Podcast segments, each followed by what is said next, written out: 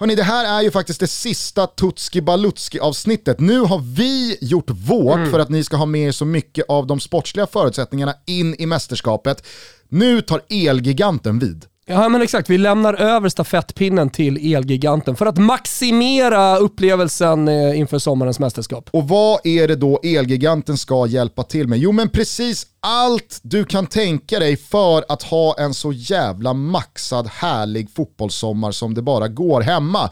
För Elgiganten är ju nämligen Sveriges största och marknadsledande återförsäljare av hemelektronik. Vet du vad de gör? De skapar mästerskapsupplevelsen på hemmaplan. De hjälper dig att fixa precis allting för att du ska få en så maxad upplevelse som möjligt. Yes, och just nu så är det en stor kampanj med massor av grymma deals och riktigt bra priser på tv, soundbars, nätverk och all Oj. annan hemelektronik som kan tänkas hjälpa dig att göra en så fet mästerskapsfest du bara kan tänka dig. Så att gå in på elgiganten.se eller besök något av alla deras varuhus runt om i Sverige och så har ni nu en riktigt härlig mästerskapssommar. Vi lämnar över stafettpinnen, eh, vi litar på er Elgiganten. Ni är festfixarna inför denna stekheta fotbollssommar. Vi säger stort tack. Stort tack Elgiganten för att ni har varit med och möjliggjort Tutski Balutski. Stort tack.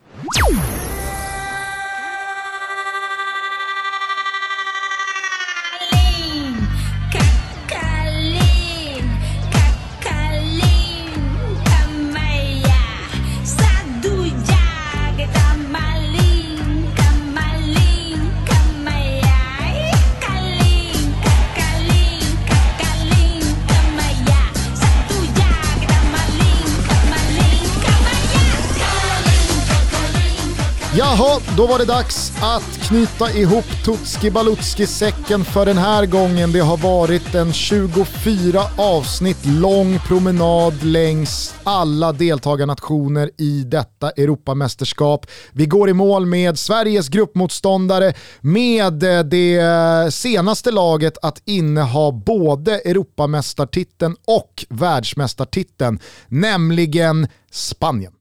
Espanja. Espanja. Ta in tungan för fan när jag snackar med dig. Sorry. Ja, men det är lite så det låter när jag pratar med random spanjor på Mm. random trött torg nere i Spanien. Jag älskar Valencia, visste ni det? Ja, det vet vi. Ja, okej. Det har du sagt. Ska vi prata om det? Tomatkrig och Ah, gatulopp. Buñol, eh, precis. En liten bit utanför ligger tomatkriget. Mest klaustrofobiska upplevelse jag varit med om någonsin.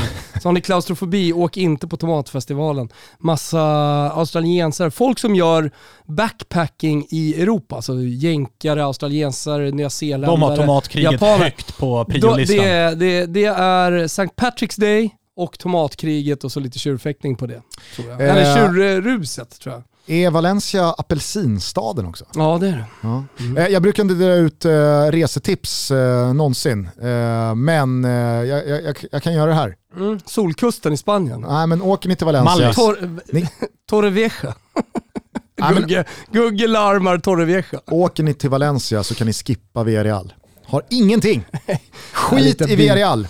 Ja, eller så El Madrid- rekar man ordentligt så hittar man en dunderrestaurang där. El Madrigal har någonting absolut, men utöver det så är Villarreal eh, staden som den spanska guden glömde. Men vi är inte här för att dela ut några jävla resetips, vi är här för att prata om eh, La Roja kallas de va? Jajamensan. Eh, det här är ju en eh, fotbollsnation som eh, inte bara deltagit utan sannoliken gjort avtryck i ganska många mästerskap här mot slutet. Men länge var det väl så att det vilade någon slags förbannelse över det spanska landslaget när det kom till eh, de stora turneringarna. Ja men så var det ju. Alltså Mm. definitivt. Om vi ska komma ihåg någonting, för vi ska ju minnas i Tutski Balutski, så det finaste, eller största mästerskapsminnet måste väl ändå vara Iniestas mål och eh, hans eh, hyllning till eh, Dani Scharke som eh, hade gått bort. Eh, om man tar hela den perioden liksom, när, när Spanien dominerade världsfotbollen både klubblagsmässigt och eh, landslagsmässigt.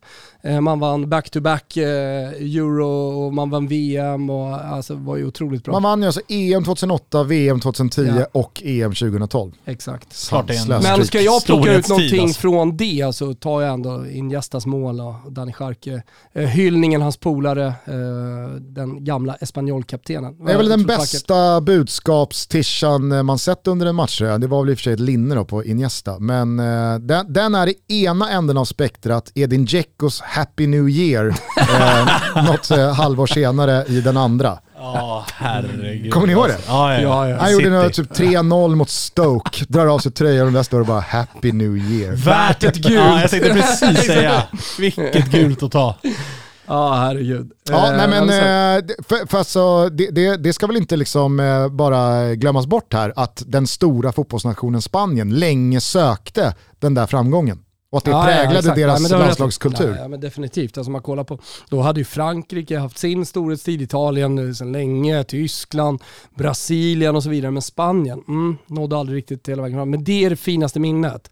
Eh, vad håller ni med mig eller? Ja, det är svårt att säga emot. Framförallt så kändes det som en sån jävla enande tid mellan Real Madrid och Barcelona. Det var ju några år där med Pep Guardiola, José Mourinho och det var eh, El Clasico som eh, urartade oftare än det bjöds på skönspel. Och så kändes det verkligen som att det fanns två läger i landslaget med då Real Madrid i ena änden, Casillas, Sergio Ramos och så vidare. Och så då eh, Barcelona-gänget i den andra med Piqué och Xavi, Iniesta, Busquets och så vidare. Det där guldet 2010, mer än det 08, Mm tycker jag i alla fall, liksom, eh, göt samman Ja, men eh, för- landslaget för- till ett. Absolut, men alltså så här, det, det du är inne på, förutom en fjärde plats i VM 1950 så, så är max man har kommit till alltså en kvartsfinal innan man vinner det där guldet. Det Så enda jag störde mig på under den storhetstiden, det var ju att Xavi och Iniesta bytte nummer med varandra när det var i landslaget. Hade så svårt att acceptera Mm. varför de gjorde det. Jag tyckte det bara var töntigt. Ja, det fanns det inte mycket att Man har, faktiskt, nej, nej, nej. Man, man har en tredje eh, i, eh, EM-seger också, det är från 1964. Mm. Det, ska, det ska bara sägas som att silver från 1984 också. Eh, men som sagt, eh, VM, den egentligen enda framgången, det är 2010. Eh, jag minns Spaniens väg till detta. EM mycket väl. Ja, de spelade i samma grupp som Sverige och de vann alla matcher utom två så de kryssade. Den ena matchen 1-1 och den du eh, pratade om i Solna och sen så kryssade man mot Norge också. Men eh, jag minns också Backes eh, väldigt optimistiska ord om att det var ett perfekt läge att möta Spanien där på Santiago Bernabéu i början av juni för eh, två år sedan. Herregud vilken överkörning det blev. Ja, det, den, den var smärtsam alltså. Man har också spelat Nations League. Är ni intresserade av hur det har gått där? Eh, ja, alltså det var Kommer ni en, ihåg eh, vilka länder de hade? Det var väl en eh, ruskig holmgång man gick mot Tyskland, men det är typ Exakt. det jag minns. Ja, nej, men precis. De hade tyskarna i gruppen eh, och vann också sin A-grupp precis framför Tyskland. 11 poäng, 3-2-1. Eh, Man hade Schweiz och Ukraina där, så det är inte som Sveriges grupp. Man skulle väl vinna den. Nu möter man Italien i semifinal i Nations League. Och sen så har vi sprungit in i varandra igen här Ja, nu i VM-kvalet. sjukt. Ja. Jävligt mycket Sverige och Spanien. EM-kval, EM, VM-kval. Så har vi alltså Spanien. Det börjar ju bli eh, Skottland-Israel det här. Ja, nej men exakt. Herregud. Wow, Nej, men, wow. nej, men, och där kan man väl säga, där, där har det ju gått lite tyngre. Alltså man började med att kryssa mot Grekland eh, och sen så håll, höll man ju faktiskt åka på ytterligare en plump mot Georgien på bortaplan. Man satt ju liksom och bara jobbade den. Så kommer den här jävla Dani Olmo in och gör, eh, gör mål i den eh, 92 minuten. Det var väl typ bara, Tung, det var väl bara Kim Källström som satt på andra sidan. Han tyckte det väl var, var, var trist att Spanien åkte på poängtapp. Så han Ja. satt väl och jobbade spansk, se, jublade in Olmos Lite så, 2-1. lite så. Men det var eh, alltså så här, jättebra att de tappade poäng. Nu har vi ju Spanien i VM-kvalet så att det blir en fundamental samling här efter eh, sommaren. Det är eh, viktigt för Sverige om vi ska ta eh, gruppsegern att inte förlora mot Spanien. Men vi tar ju med oss det här krysset mot Grekland i alla fall som vår möjlighet att faktiskt vinna VM-kvalet. Eh, Det är eh, Spaniens status för dagen. Vi eh, har givetvis koll på att man spelar i samma grupp som Sverige, Slovakien och Polen här nu. Utöver Sveriges match i Sevilla spelar Spanien också sina resterande gruppspelsmatcher på hemmaplan eller? Jajamensan, de spelar allting på Olympiastadion i Sevilla. Okej, bra då har vi det sagt. Förbundskaptenen heter Luis Enrique och det har varit en jäkla, inte stormig, det är väl fel adjektiv kanske att använda, men speciell eh, tid som eh, huvudansvarig. Ja men exakt, han tog ju över den 9 juli 2018 eh, och han tog över efter Fernando Hierro om ni minns det. Han gjorde väl en månad på posten där. Ja, han gjorde en månad på posten, eh, var någon slags interim, men, men eh, tagit över efter det. Och det är klart, att, ja, det har varit stormigt. Jag vet inte riktigt, var har ni Luis Enrique? Du eh, har ju haft honom i Roma. Det var ju inte den bästa Roma-tiden. Å andra sidan, vilken jävla tränare har haft sin bästa tid i just Roma? Han hade ju okej tid i Celta Vigo innan han eh, blev erbjuden landslaget. Tog väl Celta till typ nionde plats. Man vann över Real Madrid med 2-0, en sån här historisk seger för deras del. Han gjorde det ju bra i Barcelona, det, det får man fan ge honom alltså. Okej då, han, han gjorde väl bra där, men det är det är också så här, fan, han gjorde det bra i Barcelona. Så, tränare till Messi och så vidare. Men jag kommer i alla fall ihåg polemiken med Messi när han petade honom i matchen mot Real Sociedad. Då höll det på liksom blossa upp någonting, men eh, Luis Enrique var smart nog att backa på den och, och liksom omfamna Messi igen. Han försökte ju som första tränare att ro- rotera Messi och eh, insåg ganska fort att eh, oj då, jag ska inte rotera honom. Men varför jag sa som jag gjorde, det var ju för att jag givetvis tänkte på att han var borta ett år från jobbet här i och med att hans dotter mycket, mycket tragiskt Ja. dog. Exakt. Eh, så att det var väl där i samband med. Sverige-matchen eh, på eh, Santiago Bernabéu Precis. som Luis Enrique försvann. Mm. Eh, och så kom han tillbaka för eh, ett år sedan va? Någon- Det måste ju ha varit en otroligt alltså, märklig tid även för, för spelarna, alltså för hela spanska fotbollen att förhålla blev sig det- till landslaget. Ja, men det, blev, det, det var kvaltider och sådär också. Alltså det, det, det blev att liksom sluta upp eh, bakom honom och liksom spela för honom trots att han inte var där. Eh, det är klart att hade det dessutom då varit ett mästerskap som missades så hade man kanske ja, sett lite annorlunda på det. Alltså inte att han inte skulle ha eh, tagit en timeout, men, men ändå. Nu var det kvaltider, man tog sig till, man vann sin grupp i Nations League uppenbarligen, man tog sig till det här EMet med 8-2-0 så det, det, det, det, ja, det gick bra ändå, så att säga. Toto är sponsrade av Gillette och deras one-stop shop King C Gillette som innehåller allt du kan tänkas behöva för att raka, trimma och vårda ditt skägg. Vi har under maj månad riktat oss direkt till en del spelare som ska spela EM i sommar för att eh, komma med våra tips på vad Bra vi tycker tips. att de borde göra med sin ansiktsbehåring. Idag så skulle jag vilja rikta mig till Hollands försvarsgeneral Matthijs de Ligt. Ja, för jag jag fan nästan, nästan vänta på det alltså. Vad är det för fjun han håller på med där i ansiktet? Jag, jag känner så här, när Delict tittar sig själv i spegeln så kanske han tänker, men vadå, jag har ju varit lagkapten i Ajax, jag har spelat Champions League-semifinal, jag har vunnit Serie A-scudetton med, med Juventus. Jag är stor och stark. jag är stor och stark och mittbacken som ska kliva fram här i van Dijks frånvaro när Holland ska spela mästerskap.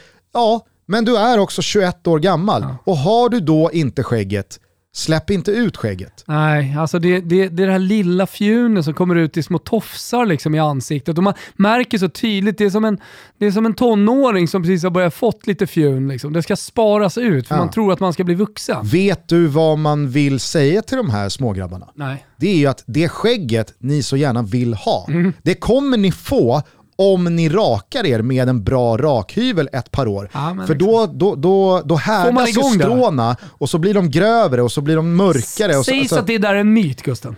det är inte det. Det, säger- är inte det. det. Där, det där är största, en av de största myterna. Jag skulle i alla fall vilja skicka Matthijs de Ligt raka vägen in på apotea.se och så får han klicka hem en neck racer eller en shaven edging racer eller varför inte double edge racer. Eller varför inte alltihopa? Så kan han välja själv när han åker på EM. Och så trycker han på lite transparent raklöder i eh, då transparent shave gel-tuben och så ser han ut som den 21-åring han är och alla kommer känna gud vad stilig och fin den där pojken är. Hörrni, går ni in på apotea.se så kan ni kika in King C Gillettes One Stop Shop. Där finns precis allt ni behöver för att raka, trimma och vårda skägget inför EM. Vi säger stort tack till Gillette för att ni är med och möjliggör Toto Balotto. Stort tack! Vad heter ljudbokstjänsten med över 200 000 ljud och e-böcker? Ja, kom igen, det är Bookbeat. Yes, och vi är sponsrade av dem. På bookbeat.se så kan ni förlora er i all möjlig typ av litteratur. Men i just Tutski Balutski så slår vi givetvis slag för fotbollstitlarna. Vi tycker att det är en perfekt uppladdning inför EM att lyssna på landslaget enligt Lund, men tro fan jag har hittat en riktigt jävla bra bok här Gusten. Ah, jag tror inte du hänger med. Blågult heter boken. Historien om Sveriges landslag i fotboll från den första landskampen 1908 och framåt. Givetvis också förgylld med lite klassiska radioreferat även den här boken. Nej men det är ju perfekt. Alltså lär er allt om gul och gul och som även kallas blågult genom att lyssna på titeln Blågult just av Jesper Högström. Har man med sig den och landslaget enligt Lund in i mästerskapet i sommar, ja, då kommer man i alla fall inte gå bort sig vad gäller den svenska fotbollshistorien. Nej, och vet du vad som är bäst av allt Gusten? Nej, det är att det just nu är en månad gratis prova på och man får lyssna på så många böcker man bara vill. Man använder koden TOTOBALUTTO i ett ord och så får man alltså BookBeat i en månad helt gratis. Bara lyssna på på de här titlarna vi har tipsat om. Koden gäller alla nya BookBeat-användare. Tänk på det. Gå in på bookbeat.se och kom igång direkt. Och hörni, kom ihåg att BookBeat är kompatibelt med Apple Watch, så nu behöver du inte störas av telefonen på löpturen, promenaden eller när du tar det lugnt i soffan, utan du kan lyssna på din ljudbok direkt från klockan. Gå in på bookbeat.se, Toto Balotto är alltså koden. Vi lyfter på hatten och säger stort tack till BookBeat för att ni är med och möjliggör Tutski Balutski. Stort tack! Eh, jag eh, har också tänkt på att Luis Enrique, såklart precis som Jogi Löw och en del andra, har en jävla massa bra spelare att välja mellan. Men det går ju inte att komma ifrån när man har synat hans trupper senaste ja, men, knappa året sedan landslagsfotbollen drog igång igen under coronan och sen dess. Att eh, det har roterats en del och det har varit en del eh, ifrågasatta uttagningar och så vidare. När vi spelar in det här så har ju den spanska truppen precis tagits ut. Han väljer att bara ta ut 24 namn när det är tillåtet med 26 och det saknas ju inte rubriker från den här trupputtagningen. Nej men det gör det verkligen inte. Alltså sättet han pratar om Sergio Ramos som jag hade tänkt att ha som min MVP i det här laget. Jag älskar ju Sergio Ramos och han är en mästerskapsspelare. Trots lite skavanker så tänker jag att han ändå skulle gå in och vara den viktigaste spelaren för, för, eh, eh, för, för Spanien. Eh, så blev han inte uttagen och eh, orden från Luis Enrique var att nej, men jag hade ett bra samtal med honom eh, och eh, han har varit en del skadad, jag tror att det här är det bästa för honom.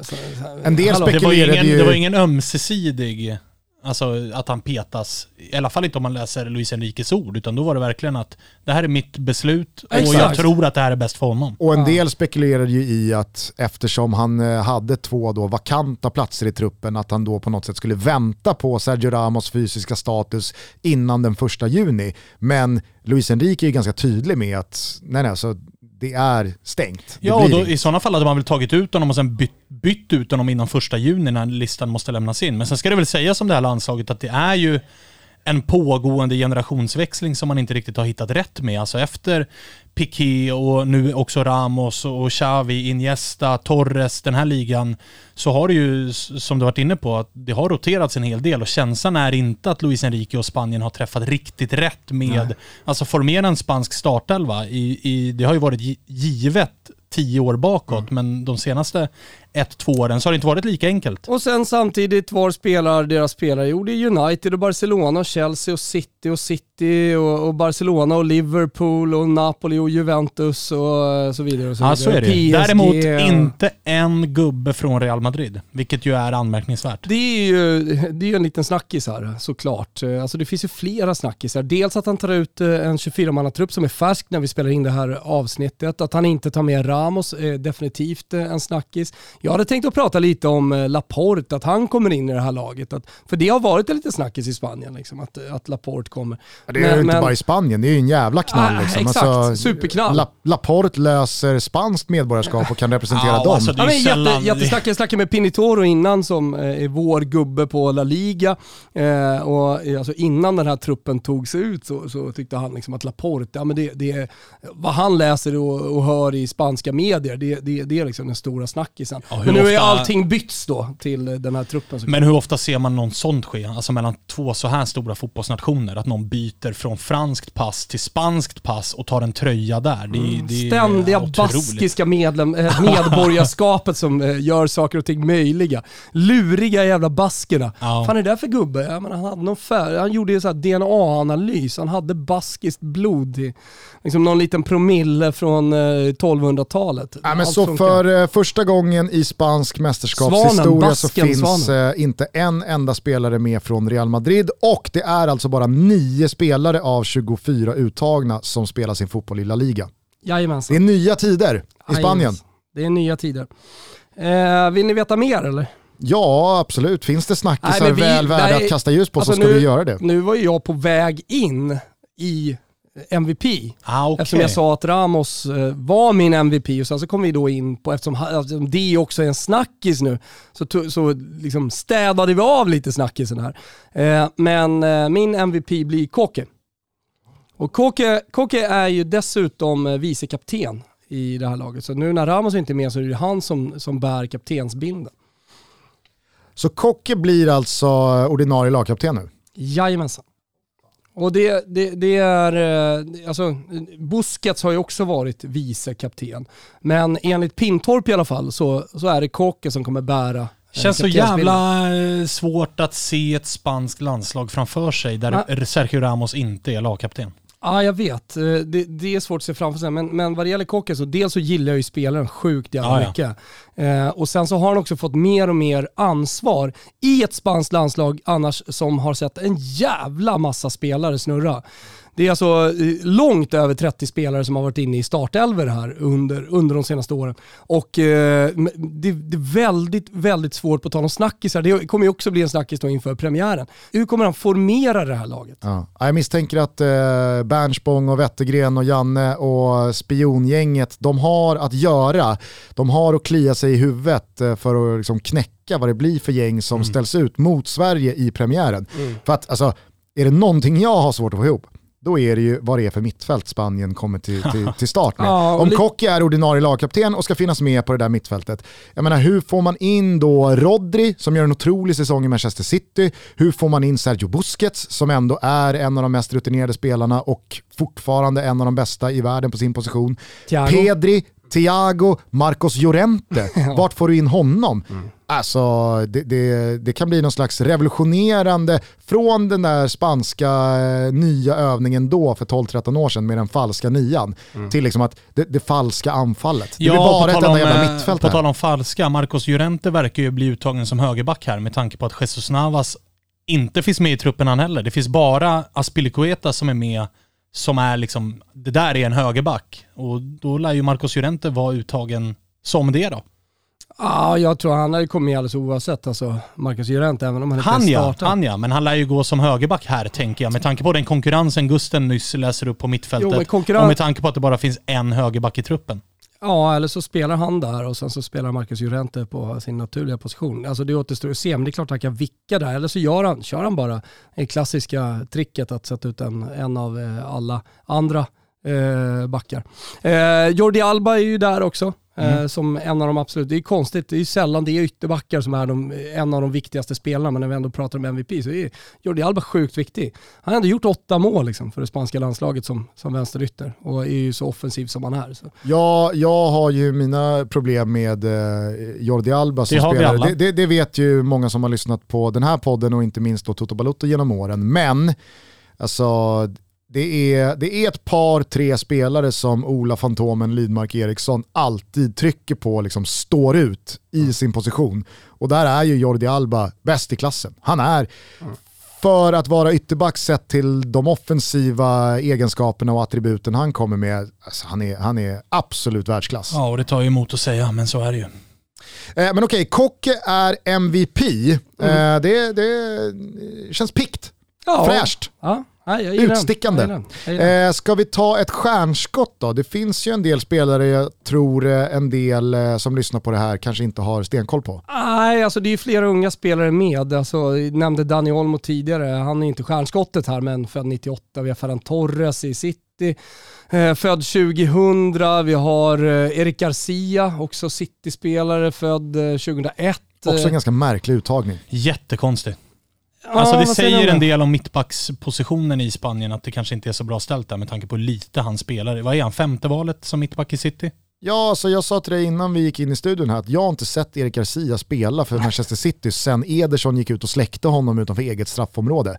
Sen har han ryktats till Barca i typ ett och ett halvt år, han ska gå för en halv miljard, men jag har ännu inte riktigt sett Nej, och är man- Erik Född Garcia. 20, ja, men han är ju född 2001. Så Jo, jo, men är man en, är man liksom en Barca-försvarare och man har Pep som tränare, men Pep ändå väljer Nathan Ake före, Mm. så undrar man ju liksom vad, på vilka grunder är han uttagen med tanke på att han spelar ingen fotboll för Manchester City. En långsiktig uttagning kanske. man ser honom. Men han är fostrad i Barcelona, Ja, sen ja. så har han gått till Manchester City, spelat ungdomsfotboll i, i City och sen eh, ja, ryktas som du säger att han ska komma tillbaka. Men han är i alla fall inte vår eh, Vårt stjärnskott. Vårt stjärnskott, utan det är Pedri. Alltså han, han har ju nu liksom spelat hela säsongen med Barcelona, han har ju redan fått sitt genombrott i klubblaget, men fortfarande inte på liksom den absolut eh, högsta nivån. Också född, eh, 20, nej, han är faktiskt född 2002.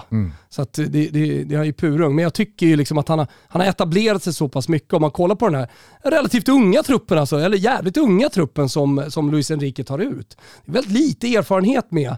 Eh, Du har eh, Aspilicueta som du nämnde, eh, Alvaro Morata, liksom. han får se som en, som Veteran. en, som en veteran och Kåke som är 20, 29 bast, eh, David de Gea 30 bast. Det är liksom, ja, Jordi Alba såklart, alltså. det, det, det är veteranerna i det här laget. Sen är det en massa ungtuppar. Mm. Sergio Busquets ju... Exakt, Farfar. exakt, exakt. Men, men det är många unga, men Pedri, Pedri kan ju få ytterligare ett liksom, litet genombrott om och han får spela. har väl spelat varenda ligamatch den här säsongen för Ja. Barcelona, antingen från start eller som inhoppare. För Så att mig han är har i alla fall givet stjärnskott Ja, i, det kan i jag det här laget. på. Ja, jag, jag har ingenting att eh, säga emot det. Tänker också bara kort på att världens genom tiderna dyraste målvakt, Kepa Arrizabalaga, han tar inte en av tre platser. Nej, det gör han inte. Den Eh. karriären hamnade ja, lite snett. den gick inte riktigt som man Nej, hade tänkt de, sig. de som är med då, man kanske vill höra vilka målvakter, så är det Unai Simon, alltså Athletic Clubs eh, keeper, och Robert Sanchez, eh, Brighton. Mm. Han har faktiskt varit jävligt bra. Ja, bara 23 bast också. Sen eh, Matt Ryan lämnade för Arsenal så har Ja. han var, han var riktigt fin. Men det blir väl David de Gea va? Det Ja, måste ja. det bli. Alltså, givet, givet. Tutska Balutski är sponsrade av Simor och vid det här laget så vet ni ju att det är med Simor man på absolut bästa sätt streamar EM. Se hela EM via Simor helt reklamfritt, var du vill i Sverige, men inte bara var du vill inom EU. Så ska du på en semester, ska du åka någonstans, ja då tar du bara med dig din padda, din telefon och så streamar du upp EM där. Gå in på Simor, skaffa ett abonnemang, gör det nu. Var med när eh, ligasäsongerna i Spanien och Italien går i mål och jag tror att man sitter ganska bra på ett simor abonnemang även efter sommaren. Ja, jag är ganska säker på att man sitter jä- jävligt bra på ett simor abonnemang även efter sommaren. Hörni, streama upp Gusten på er padda eller vad det nu är. För du är ju med oss under hela EM, eller hur Gusten? Så är det. Fan vad fint. Vi säger stort tack till Simor för att ni är med och möjliggör Tutski Balutski. Vi är sponsrade av Rocker, en ny app som hjälper alla som vill att hålla koll på sin ekonomi. Man behöver inte byta bank utan man laddar ner appen gratis där appar finns och så lägger man bara Rocker ovanpå sin redan existerande ekonomi. Nej men exakt, det är så det funkar. Och Rocker har faktiskt hjälpt mig att få bättre koll på ekonomin. Det blir rätt rörigt när man har en bank där, kanske ett kreditkort från eh, det företaget där och så ska man ha en massa olika ställen att kolla på för att få koll på sin ekonomi. Tack vare Rocker så har allting på samma ställe. Det är till och med så att jag har ett transaktionsflöde. Ett är nyckelordet här, transaktionsflöde. Man kommer in i loopen liksom, man blir lite mer medveten, man kan söka på utgifter och man kan se över sina köpvanor. Så Rocker har identifierat små luckor i privatekonomin och skapat lösningar som är enkla och snabba att använda. Och det är helt gratis att ladda ner Rocker-appen. Den finns där appar finns som eh, App Store och Google Play Gusten. Det är bara att ladda ner. Jag har pratat väldigt mycket tidigare om att Rocker hjälper en att hålla koll på kvitton man kanske sumpat, man kan även splitta köp med vänner eller öppna flexibla sparkonton med sparränta. Tack för betalt samarbete, Rocker. Stort tack! Eh, Okej, då har vi alltså klart för oss vem som är MVP, vem som är stjärnskottet, vem är vår gubbe? Marcos Llorente. På tal om spelare som jag tycker om. Väldigt ospansk också. Tycker jag. Vad tänker Berätta. du då? Nej, men jag tycker han känns så här irrationell och härlig och liksom, jag tänker på spanjorer som kanske inte visar så mycket känsloyttringar på samma sätt som andra. Jag tycker han gör det, jag vet inte, det är bara, han, är, han är skön på något sätt med sitt eh, lite halvblonda hår. Kom ju också något skönt klipp här nu när Suarez sköt titten till dem när han får sitt friläge. Att det är väl Marcos Llorente som står på mittplan och håller för ögonen. Han vågar inte titta på Ja, hur det- det, där friläget ska Kan- gå kan- ifrån Kanske att det Suarez. är något argentinskt över honom, kanske är det det jag söker här. Alltså att, han- att han är så rivig i sin spelsätt som är kanske då lite ospanskt, tiki-taka. Om nu det spanska är liksom tiki-taka ehm, så, så är Marcos Llorente lite mer oslipad, eh, lite mer ja, men rivig liksom, i, sitt, i sitt spelsätt. Och det tycker jag är härligt i den här spanska truppen att ha den typen av spelare. Ja, och sen gillar man ju lite likt Suarez att det är en spelare som valdes bort av Real Madrid och går sen och blir nyckelspelare Ytterligare hos Atleti när de vinner ligatiteln. Lite som Luis Suarez blev för Barcelona då. Även ifall de kommer från olika hyllplan, minst sagt. Men det är ändå en revansch som han eh, tar Mm. den här säsongen. Och gör ju en jättebra säsong i La Liga. Mm. Det kanske inte är den spelare man, man tänkte på. Det var Jao Felix och det är Suarez hit och sådär. Jag tror han gör 12-13 mål i La Liga och är ja, men en, av de, en, en, en, en av Diego Simeones absolut bästa spelare. Så att Tvåsiffrigt jag antal assist honom. också. Ja, det är väl bara han och Messi som, kanske Aspas också. Jag eh, tycker att eh, Marcos Llorente också är jävligt vass på att eh, kunna bemästra väldigt många olika typer av roller och positioner. Det finns ju vissa spelare som är verkligen låsta till att men jag måste ha den här rollen på det där mittfältet eller i det här anfallet eller vi måste spela på det här sättet annars får man inte ut det bästa av mig. Marcos Llorente, det är en spelare, alltså, jag har sett honom varit eh, precis lika bra som en av två anfallare, som eh, offensiv mittfältspets, som sittande mittfältare, han kan gå ut till, till, till höger. Alltså, Pannben och riv. Ja, men I det här laget, det är liksom så här, jag tror inte Luis Enrique behöver fundera så jävla mycket på var man ska få in Marcos Llorente. Krita bara ner hans namn i Exakt. startelvan så, så, så, gör löser han, så gör han någonting jävligt bra där ute. Ehm, en spelare som man kanske, vissa kanske tycker skulle vara vår gubbe, men det är långt ifrån min gubbe. Det är Adama Traoré som kommer med i truppen också, Wolves-spelaren. Alltså han har lite för mycket muskler och lite för mycket liksom, eh, speed och sådär för att vara min Och gubbe. rätta mig om jag har lite fel. för lite eh, fotbollsspelare för Rätta mig. mig om jag har fel Augusten, du som följer Premier League allra mest. Men är inte det också en spelare som kommer från en ganska svag säsong? Verkligen, hela Wolves gör ju en eh, stor fet icke-säsong. Eh, det blev ju Diego Jota som lämnade för Liverpool och tog nästa steg i karriären. Väldigt många trodde ju att det var Adama Traoré som skulle lämna och liksom ta nästa kliv och explodera i någon av de största klubbarna. Det var ju även en jävligt märklig historia fram och tillbaka med vilket landslag han skulle representera. För att han togs ut av Mali tror jag. Eh, men sen så ringde Spanien och då ångrade han sig och tackade nej till Mali och åkte till Spanien istället. Blev ju givetvis sjuk då i corona så han kunde inte eh, debutera. Han fick Eh, inte den där viktiga landskampen. Det kanske var pre-corona så det var någonting annat. Alltså, han, han åkte på någon skada så han fick inte den där liksom låsande eh, insatsen och inhoppet eller starten. Utan till nästa landslagsvända, då var Mali fortfarande aktuellt och då hade han typ varit så svag i Wolves att då var han inte längre aktuell för Spanien. Alltså, nu är han i alla fall där. Väldigt många som följer Premier League kan ju Adama Traoré, men har ni inte följt Wolves och Premier League de senaste åren så är Adama Traoré precis som eh, Thomas säger, han är ju mer av en eh, liksom, eh, sprinter på 100 meter, så är han ju byggd. Han är dessutom vegan och när man ser hans muskelmassa så känner man så här, ursäkta?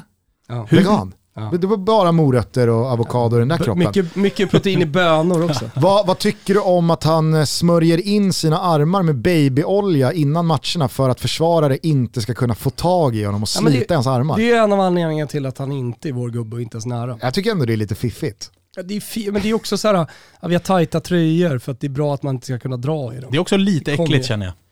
Det är bara någonting i mig som känner att... Lite fiffigt. Sluta, Ja, ja, ja. Alltså så här, fokusera på liksom, att spela och lite mindre babyolja. Otroligt speedig i alla fall. Ja, det är men ju, det, det, är, så här, det- det är Ja, ja. bra att ha med, nu är det mycket Ja, ja. negativt kring, eh, kring Ja, och det ska jag säga, jag har ju alltid pushat för rollspelare i Ja, mästerskapstrupper. Verkligen. Alltså att ha Adama Traoré i en uddamålsledning, att bara ha och ligga på rulle, det är ett dödligt jävla vapen alltså. Ja, det kan Ja. det absolut vara. Ja, det är det verkligen. Kan absolut vara. Men jag vet inte vad ni känner. Vi har, har vi gått igenom alla kategorier? Nej, det finns en kvar.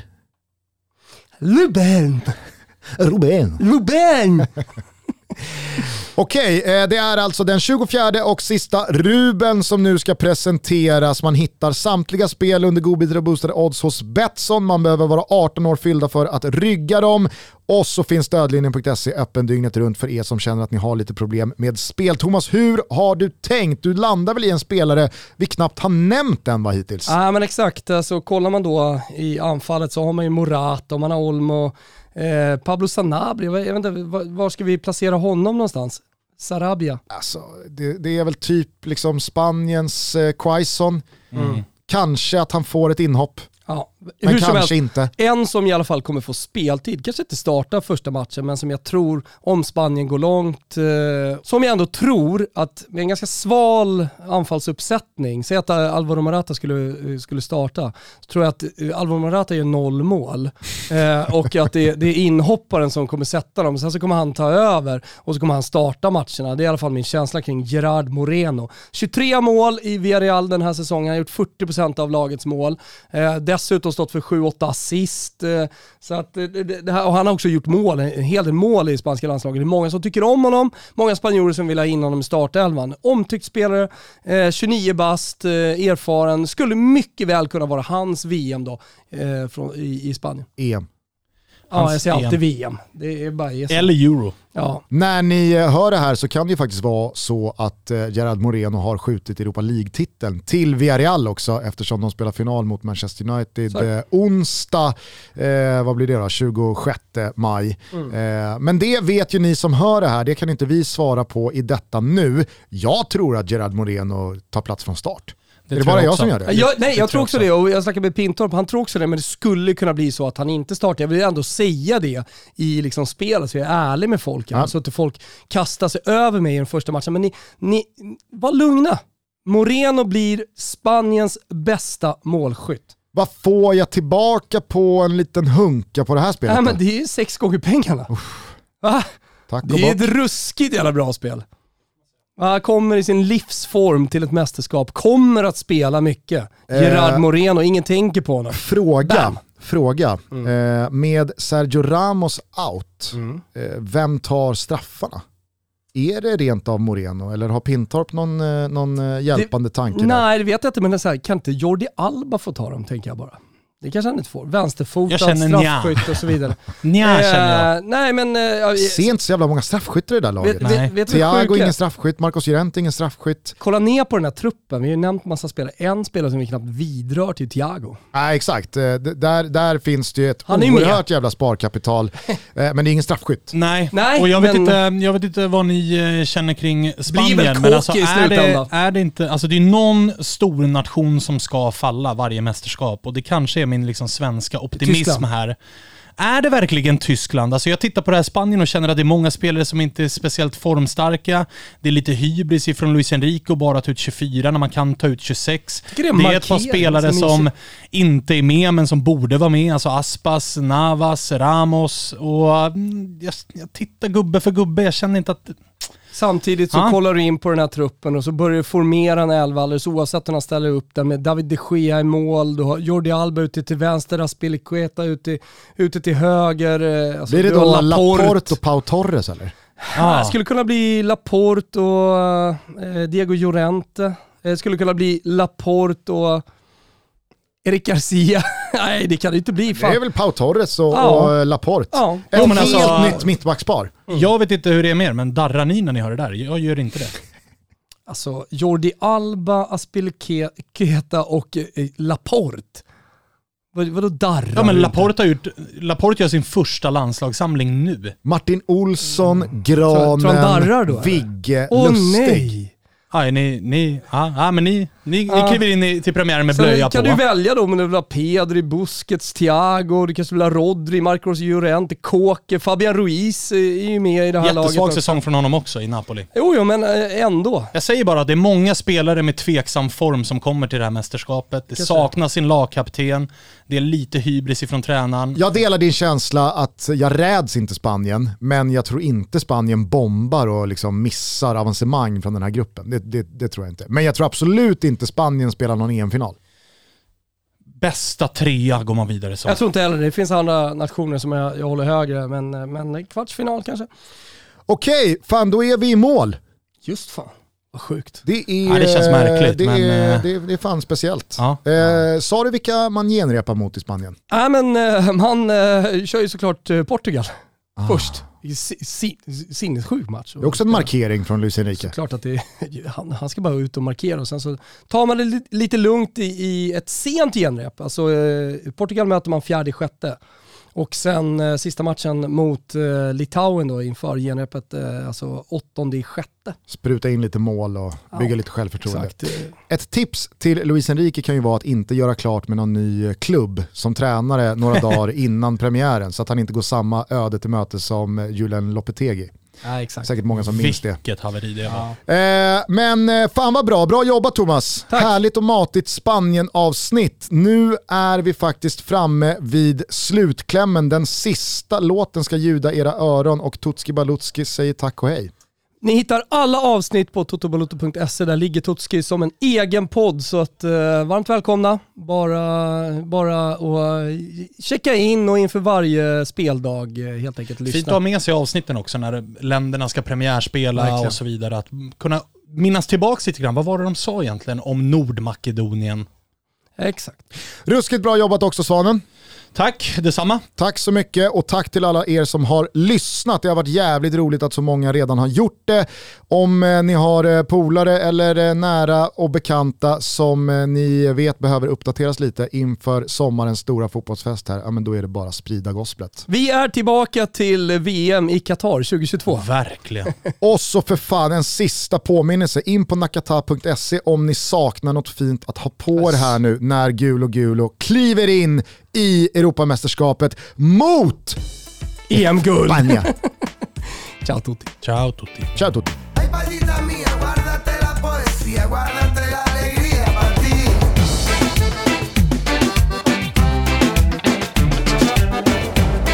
Dame, dámelo. No pido que todos los días sean de sol. No pido que todos los viernes sean de fiesta. Y tampoco te pido que vuelvas rogando perdón. Si lloras con los ojos secos y hablando de